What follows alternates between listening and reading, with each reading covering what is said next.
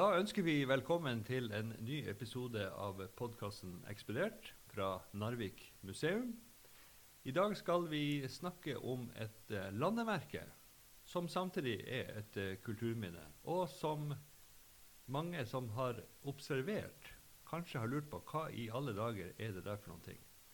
For å hjelpe oss i uh, denne beskrivelsen og podkasten, så har vi fått han Viggo Halvdan Christensen i uh, studio. Velkommen til oss. Takk og takk. Og du kan jo kanskje røpe hva er det slags landemerke og kulturminne vi skal snakke om i dag? Ja, det er et maritimt eh, eh landemerke og eh, kultur... Eh, minne. Minne. Kulturminne. Som, eh, som Trond sier, det, de aller fleste har sett. Det ligger rett nedfor Ankenes kirke.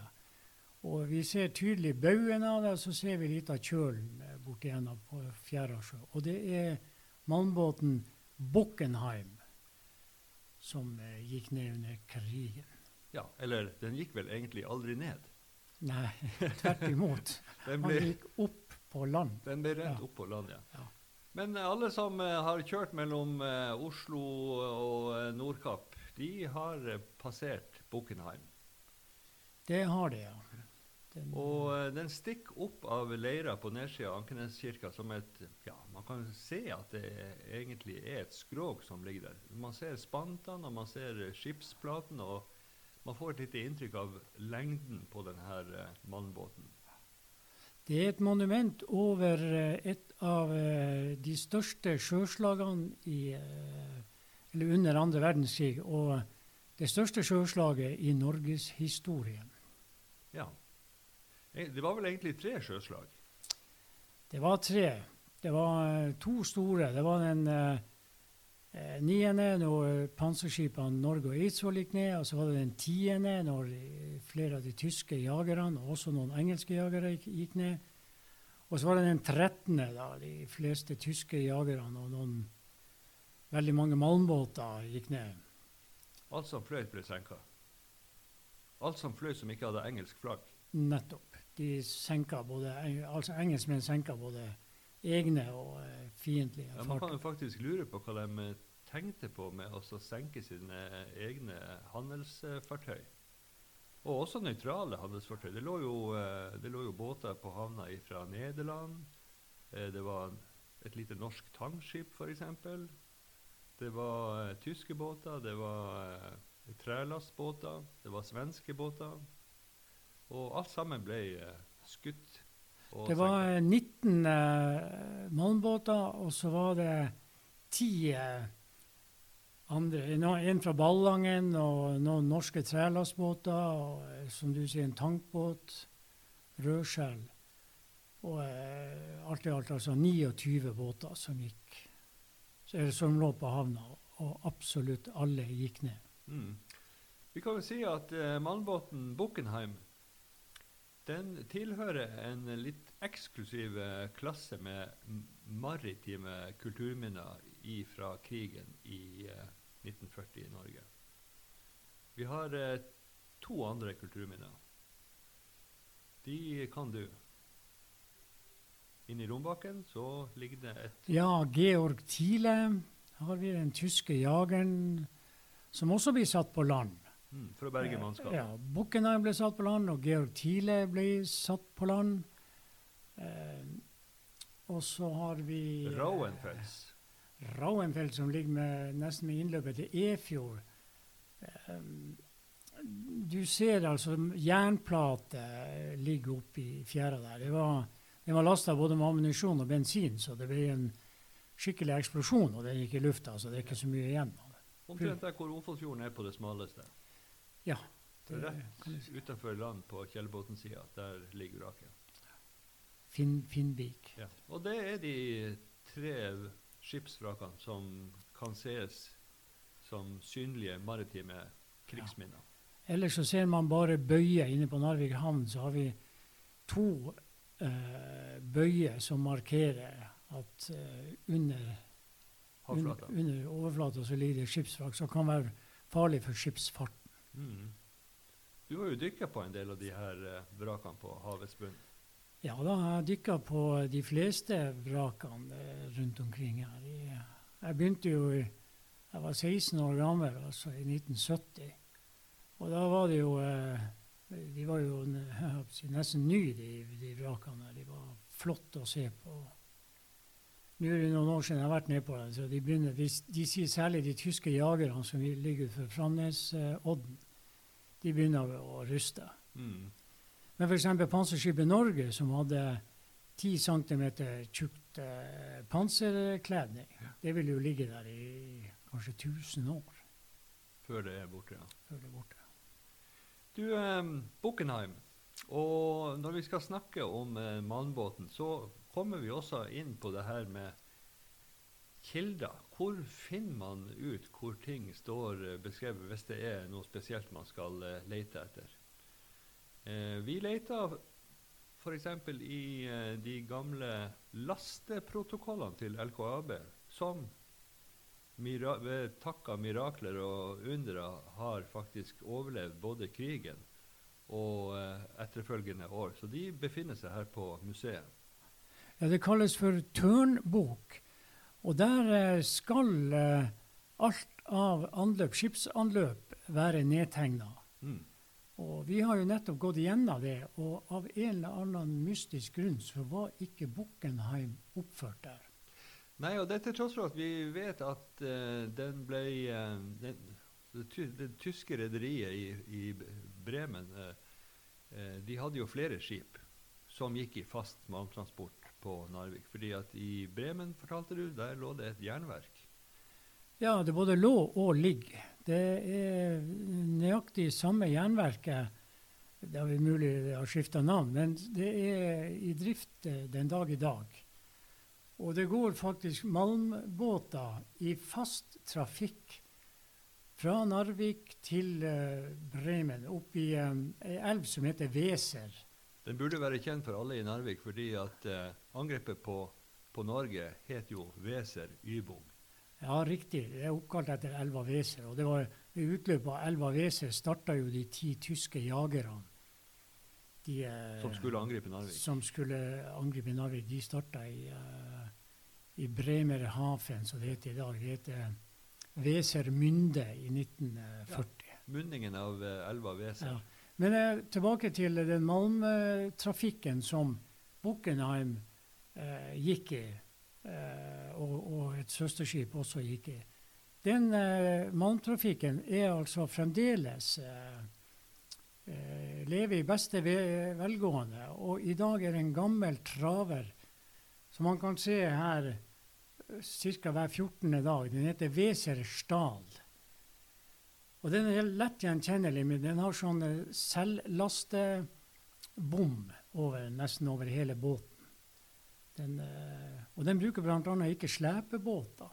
Den går rett, rett til kais sjøl. Ja, det er sparte utgifter. Ja, det sikkert. Em, Nå er det jo uh, fort gjort å miste tråden når man uh, beveger seg rundt om, omkring. Men uh, vi, skal, ja, vi skal ta litt om båten først. Eh, og så var vi inne på det her med kilder. Hvor finner man, eh, hvor finner man ut eh, hvor ting står? Og man kan eh, bruke Google, f.eks. Hvis man skriver SS Buckenheim på Google, så dukker det opp både bilder av båten, men også opplysninger ifra Det finnes massevis av skipsregister som ligger på, på nettet. Og eh, i noen av dem så, så står det hvor båten er bygd, hvor stor den er, hva slags byggenummer osv. osv. Eh, og hvilken skjebne den fikk etter hvert.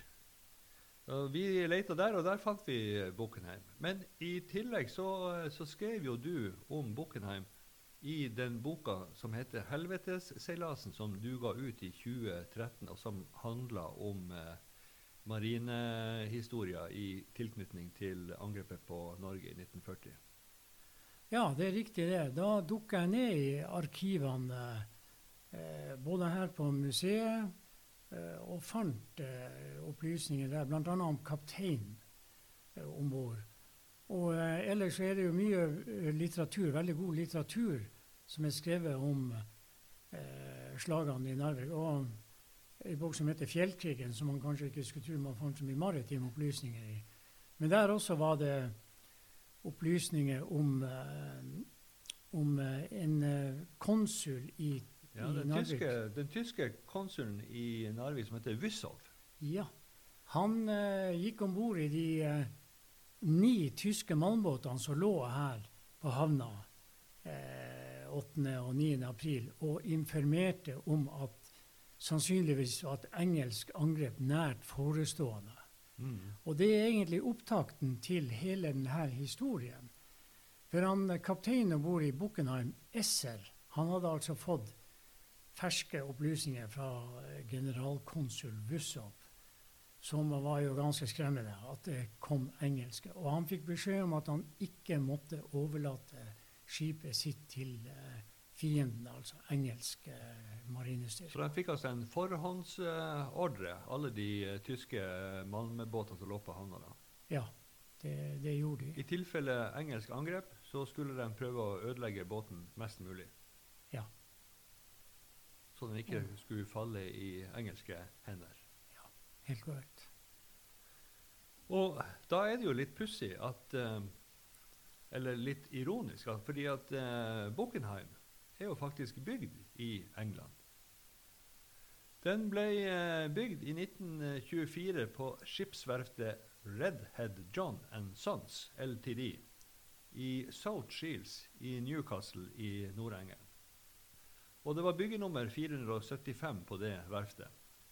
Båten eh, bestod da av 4900 tonn, for det meste stål. Den kunne laste 8000 tonn. Den var 123,4 meter lang, 16 meter brei og 8 meter total høyde opp til bruvingen fra kjøl. Den hadde blitt utstyrt eh, maskinelt med en tresylindra dampkjele med 2700 hestekrefter som ga en normal fart på 12 knop. 12 knop er god fart. Det er det samme, temmelig nøyaktig det samme som dagens eh, malmtrafikk går med. Vi går med 11-12 knop. Det Så- gjør Wesers Stahl også. Så da kan man altså slutte at eh, den, eh, den tida en malmbåt bruker fra Narvik til jernverket i Bremen, er den samme i dag som den var i 1940. Det er det. Så har vi jo eh, sett at eh, båten hadde to tidligere eiere før den ble tysk. Blant annet så var det et nederlandsk eh, rederi. Men i 1940 så var det rederiet Unterweser Rederei AG som eh, eide skipet, og som brukte det i man fast mannfart mellom Bremen og Narvik. Og vinteren 1939-1940 Det var egentlig krigstilstander mellom Tyskland og England da, men det skjedde ingenting. Annet enn at tyske ubåter hadde begynt å senke båter ute på havet, altså nøytrale båter eller båter som eh, var fransk eller engelsk.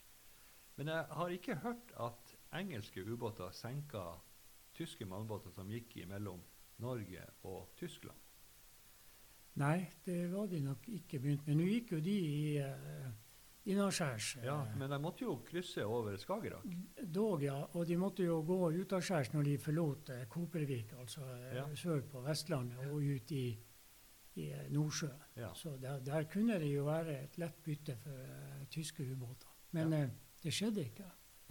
Eh, og de her eh, søsterskipet som heter Feckenheim Nå kan vi jo ta med at både Buckenheim og Feckenheim er bydeler i Frankfurt, som de her båtene er oppkalt etter. Og De gikk da i fast rute mellom Narvik og jernverket i Bremen med jernmann fra Kiruna.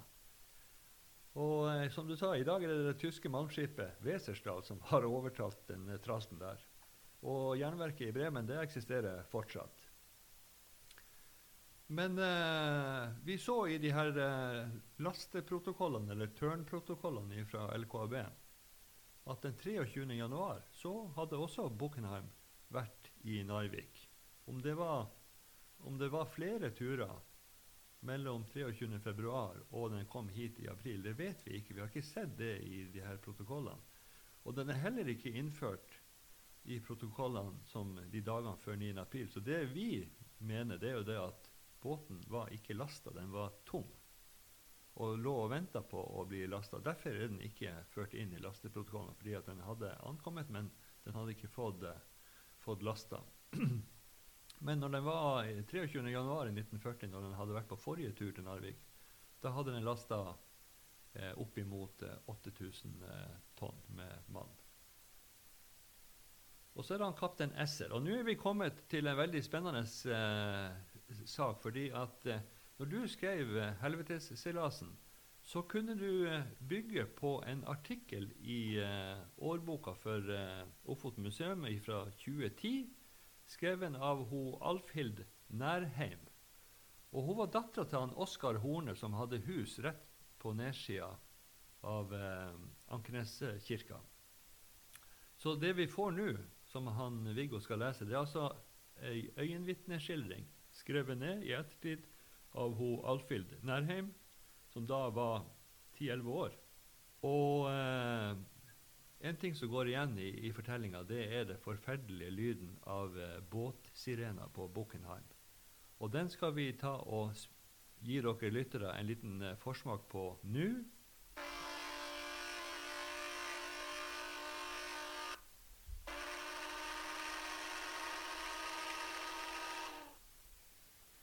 Det er en dag som ikke kan glemmes for oss som opplevde den. Før klokken 05.00 i de tidlige morgentimer våknet vi til kanontorden og full nordveststorm med tette snøbyger. Vi så ingenting, men ilden fra kanonene skimtet vi. En malmbåt kom i full fart mot land, og det brant om bord. Hva er det som skjer? Kanonsmellene fortsetter, og lastebåten Buckenheim satte fløyta på og ulte i ett med stormbygene. I snøkover skimtet vi mannskapene som entret skipssida. De kom seg i land, for båten lå helt på leira rett utenfor vår stuedør. Kanondrønningene fortsetter. Uværet herjet. Lastebåten som ligger i fjæra, brenner og fløyter. Vi er lammet av sjokk, men vi må komme oss vekk herfra fortest mulig. Pappa har mange som han har omsorg og ansvar for. Svigerdatter med et nyfødt barn, kone, søster, barn. Marie Johansen, ugift tante til min mor. Anna Horn, kjent som alles Marie, Morstedt. Moster. Bor i nabohuset og trenger også hjelp. Bestemor, Simonette, ville ikke forlate sin mann som døde i går. Presten Reidar Mørk fikk overtalt henne til å forlate heimen og sin døde mann i lag med sine nærmeste. Vi kom oss av gårde. Ingen biler, ingen skyss og, ingen, og veier som er ufremkommelige.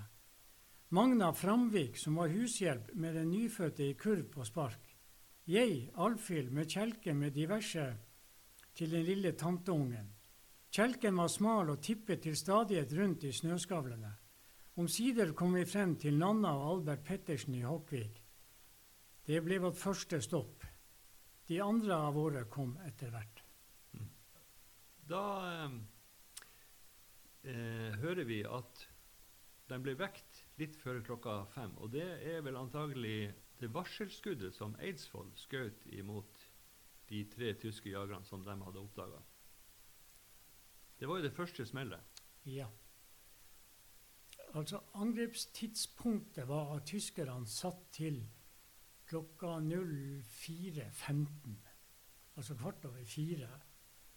Og uh, utrolig nok, etter den seilasen de hadde oppover hit, etter orkanseilas, så kom de uh, til Nesten på minuttet kom de til Narvik.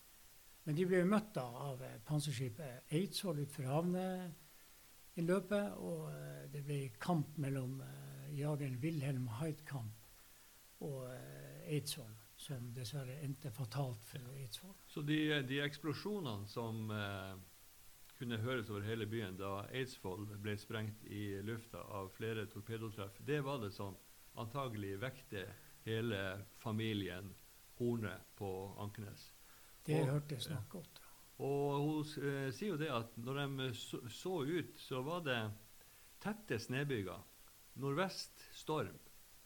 Eh, og det eneste de kunne se, det var de her voldsomme lysglimtene gjennom snøbygene fra kanonene. For det her var jo så tidlig på morgenen at det var, det var eh, i, i grålysninga og delvis mørkt. Så altså på vei til å, å lysne av dag.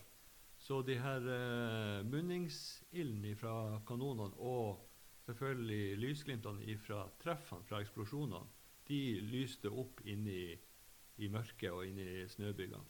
Og så plutselig så ser de en mannbåt som har kurs rett mot huset deres. Og det er eh, Det var tre, 31 mann om bord, mannskapet, og blant dem da skipperen, han Esser. Og eh, han gir da ordre til at de skal eh, eh, prøve å slå sund i maskinrommet. Slå sund det som er mulig å slå sund, så ikke det kan eh, brukes. Og så sette fyr på inventaret.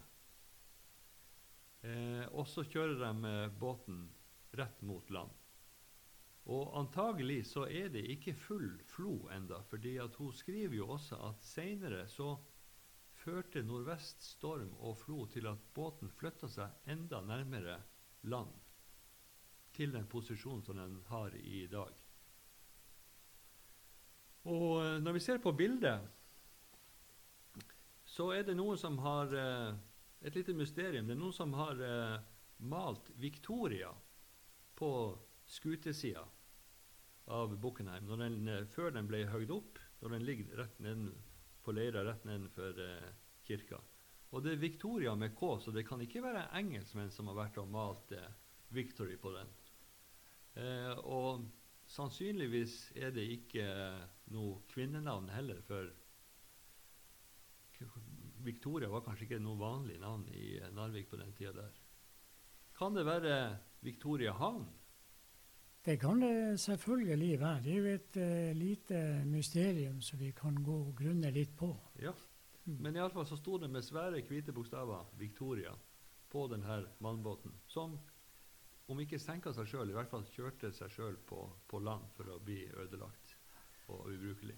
Ja, det var jo noe som eh, var ganske eh, ble veldig vanlig for Eh, for de tyske skipene i Narvik. Eh, det var ikke bare Bukkenham som kjørte seg sjøl på land. De eh, tyske jagerne også. Ja, borti Trollvika f.eks.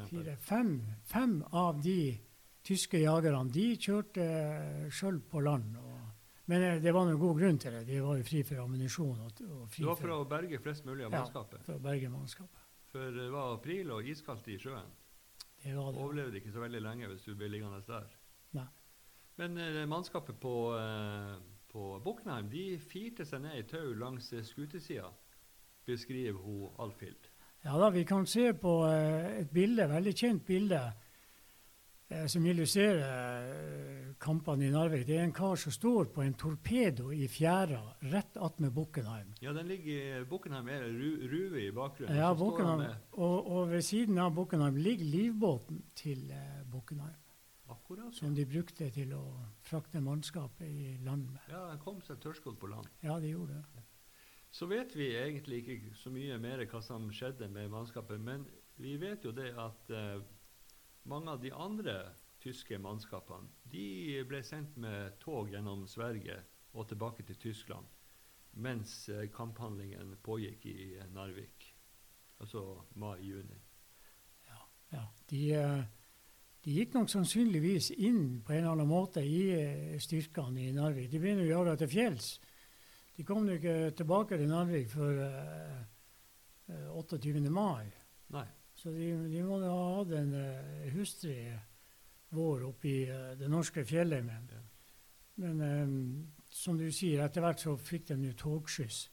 For det var umulig å, å å dra tilbake sjøveien. Der var engelskmenn. Eh, de regjerte og lå vakta i, i Vestfjorden. Ja. Um, etter kampen og Narvik var ferdig, så ble det jo delt ut et eget skjold til alle tapre soldater som hadde deltatt på tysk side. Fordi at eh, propagandaapparatet til Hitler de så jo på det eh, resultatet på Narvik-fronten som en stor seier for de tyske styrkene. At de hadde klart å kjempe mot en overlegen fiende, og at den overlegne fienden til slutt måtte trekke seg ut.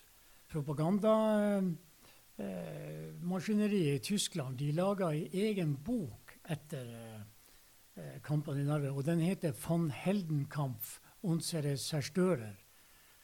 Og det var en eh, helt eh, epos om de tyske styrkenes eh, innsats ja, i eh, Narvik.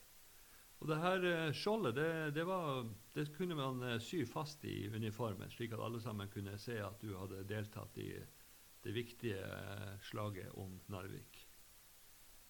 Og vi vet jo at sjøfolkene ifra, altså de sivile sjøfolkene fra Bockenheim, alle sammen, alle 31, fikk uh, over, overført det her uh, Narvik-skjoldet. Hva du tror kan være forklaringa på det? Nei, det var jo, de var jo delaktige i sjøslaget. Ofra jo båten da, Mm. som den første, eller egentlig nummer to da, etter Eidsvoll. Ja, Så var Bukkenheim nummer to som gikk eh, ad undas. ja, ikke til bunns, men Nei. gikk ad undas. Eh, så eh, det er litt uklart hvorfor de fikk det Narvik-skjoldet. Men som du sier, de fikk det. Ja. Sannsynligvis var de vel også delaktige på en eller annen måte i kampene etterpå. Ja, vi har jo den historien om Kossak. Cossack er jo herostratisk berømt i eh, England fordi det var den båten som eh, gikk inn Jøssingfjorden for å befri engelske handelsoffiserer eh, og mannskap som var tatt til fange av eh, tyskerne tidligere. Og Ja. skulle overføres til, til fengsler i, og fangeleirer nede i Tyskland. Så de ble på en måte befridd inne på i norsk i, territorial Jøssingfjorden. Innerst i Jøssingfjorden. Båten heter Altmark, og det blir jo veldig, uh, veldig kjent. Uh, Historie, ja. ja da, det er veldig kjent. Den her Altmark den opererte sammen med Grav Spee. Og den gikk rundt på verdenshavene og sank uh, ja. Senka handelsskip. han- handelsskip. Og tok eh, mannskap som til fange. Ja, ja. Så det var, det var mange hundre engelske sjøfolk om bord. Mm. Så Så- Kossak de, eh, de hadde et rykte å forsvare, så de var jo de som da kjørte inn på Narvik havn for å rydde opp seinere, etter en, eh, etter en eh, Eller var det den 13. april? Det var den 13. april. Ja. Da eh, fikk de det, det lå en tysk jager inne på havna som heter Dieter von Røder. Og de her engelskmennene de var, de var dristige. Det var for så vidt tyskere nå, men engelskmennene var kanskje hakket dristige. Så de gikk inn på havna Ja. Og ble møtt av en eh, kanonade fra Dieter von Røder. Sånn at de ble eh, såpass eh, hardt skada og mista bl.a. styringa. Så de gikk på grunn rett attmed Bockenheim. Styrmannen på Kate B han forteller det at det var hold i skutesida på Kåsak som var så stor at den største av hans mannskap kunne krype gjennom. Ja, de lå jo, de lå jo rett ved siden av der, Kate B, og, og var vitne til sjøslag. Og når, når de var på grunn, eh, Kossak, så var det med et lett bytte. Da eh, Tyskerne de pøsa granater inn i med, Og det var, jo, eh, det var jo nesten en tesil til slutt. Eh, Så han kjørte seg fast inne på Ankenesida Ja, kjørte seg fast rett og måtte vente på neste flo. Ja, det måtte de. Men de klarte nå å komme levende fra det der òg. Kossak ble jo en, eh, en veldig kjent eh, jager under andre verdenskrig. Ja. Jeg lurer på om jeg har lest en eller annen plass at, at de også ble, ble skutt i, fra eh, noen av de her eh, vrakene som enda stakk opp. Og blant dem eh, Bockenheim, dem, der var jo hele overskipet over vann. Den lå jo bare litt på sida, slik at eventuell eh, bevæpning som, eh, som Bockenheim hadde for å beskytte seg mot eh, angrep, den ble kanskje tatt i bruk da av eh, mannskapet mot eh, Cossack. Ja, det er jo uh, uoversiktlig akkurat i det. der. Men uh, det kan jo hende, det. De var vel muligens bevæpna også de sivile fartøyene. Flere av de engelske hadde jo kanoner på akterdekket. Ja, ja. Så det kan godt hende de tyske òg var utstyrt med våpen. Det er i hvert fall noen ting vi kan uh, lure litt på. Det vi vet, er jo det at når engelske styrker ble landsatt på Skjomnes og trengte uh, framover mot, eh, mot Ankenes Når de kom til Båtberget, så ble de da beskutt fra eh, en av de her eh, mannbåtene som lå som krigsvrak på. Og det mest sannsynlige er jo at det var fra Bukkenheim at de ble beskutt. De ble da uskadeliggjort av et engelsk skip uh, senere. Men det kan jo være noe sånt som, som er, ligger bak at de hadde fått det her Narvikskjoldet. At de tok en aktiv del i uh, kampene etter at de var kjørt på grunn. Det kan hende. Ja. Hva skjedde videre med Buchenheim? Ja, den lå jo der utbrent og som et symbol på sjøslaget 9.4. Eh, og var jo helt ubrukelig. Det var ikke noe uh, håp for den. De var, som du sa, de hadde ødelagt maskineriet. og Det var et vrak. Og under krigen så begynte um, tyskerne de var interessert i å få opp malmskipninga så snart som mulig, og det gjorde de også. Det var vel bare litt over et år, eller kanskje litt i underkant av to år, så var malmskipninga i full gang. Mm. Og det var stor dykkeaktivitet på havna. De sprengte eh, vrakene der, sånn at ikke de skulle ligge i veien for skipsfarten. Og eh, de høgde også opp eh, Bockenheim eh, i løpet av krigen. De var vel interessert i stålet. Mm. Eh, så den forsvant da. Og det eneste som er igjen i dag, det er da eh, litt av baugen og så kjølen. Hele ja. Eh, men, no, men, i flere år så lå den der altså nesten nærmest intakt. Litt over på sida. Eh, stort styrhus midt på båten. Lasterom foran og bak. To svære master som egentlig er last for å kunne eh, betjene vinsj og bom. Eh, for å losse og laste båten. Så, eh, også ei lang, svart eh, pipe med et hvitt skorstensmerke. Så den var veldig, veldig synlig. den lå Atskillig mer synlig enn en i dag. Ja da, den, det er usikker hvor lenge den lå der. Men eh, det har nok tatt sin tid å hogge opp. Eh, den var jo en relativt stor, båt, ja. stor, stor båt i den tida. Så noen år den, lå den sikkert der. Mm. Og etter hvert så var det noen som hadde vært og skrevet Victoria. På, på skutesida, ja. ja. Det er jo også et lite mysterium. Ja. Hvem var det, og hva var formålet? om det var eh, nordmenn eller eh, sågar tyskere, som de anså jo eh, De anså jo denne kampen i Narvik til å være en stor tysk seier. Mm. Selv om de jo egentlig fikk rundhjuling i Narvik, så, så eh, anså de altså det som en tysk seier. Ja, siden det endte opp med at de allierte trakk seg tilbake igjen, og Norge ba om eh, kapitulasjon. Og eh, de togene som sto klar på riksgrensen for å frakte tyske soldater hjem til Tyskland, de ble det ikke bruk for. Nei. Buchenheim, vraket, og det vi ser i dag av spanter og stålplater bortover langs eh, leira nedenfor Ankeneskirka, det er jo kanskje en del av den historien som skal eh, fortelles etter at Narvik-filmen har fått sin premiere. Ja, det håper jeg. Det, det var jo hovedårsaken til både angrepet på Narvik i 9.4.1940 og eh, en av hovedgrunnene til at han Hitler ville gå til angrep på, på Norge. Sikre malmtransporten? Ja, det var malmtransporten. Den var ganske så avgjørende for den tyske krigsindustrien. Ja.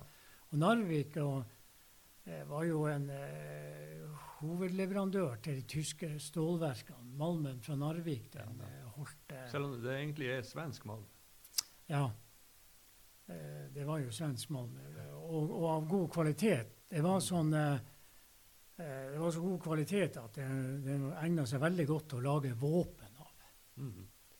I Narvik så bruker vi jo ofte å vri ja, ulykker og elendighet og fattigdom og uår til noe positivt i ettertid.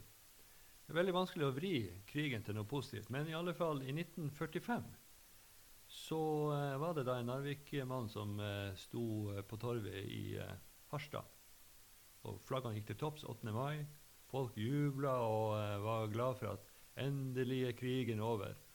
Endelig er det fred. Og da var det han stampa føttene i bakken og sa det. Jeg skal fortelle dere en ting. Hadde det ikke vært for Narvik, så hadde det ikke blitt noe krig. Ja, det tror jeg nok er et snev av sannhet i. Kanskje ikke den hele og fulle sannhet. Men eh, malmtransporten og Buchenheim er i hvert fall eh, sentrale ting i den historien. Det var det nok. De var nok ikke noe spesielt glad for det der tyske skipsvraket. Alt som var tysk, ble jo selvfølgelig lite populært under krigen. Ja. Så jeg tror nok eh, Ankenesværingene de var glad når Vraket var borte. vraket var borte. Ja. Så får vi leve med de bildene vi enda finner på nettet, og den historien som du har skrevet, og som Alfhild Nærheim har skrevet i årbøkene. Og så tar vi med til slutt at nede på museumsbutikken til Narvik museum her oppe på Haugen, så har de et helt spesielt godt tilbud for tida. Og det er alle årbøkene til kroner ti per stykk. Det er jo et løp og kjøp-tilbud. Det syns jeg. Det er veldig spennende eh, lokalhistorie vår by, unge by har. Ja. Det er vel verdt å eh, lese eh, de spennende historiene som står i årbøkene. Ja, Man trenger ikke å lese den fra perm til perm, fordi den er jo delt inn i artikler. Noen korte, noen lange, men alle sammen har, er spennende, og det er vår felles historie. Da takker vi pent han Viggo og eh, lytterne, og sier på gjenhør.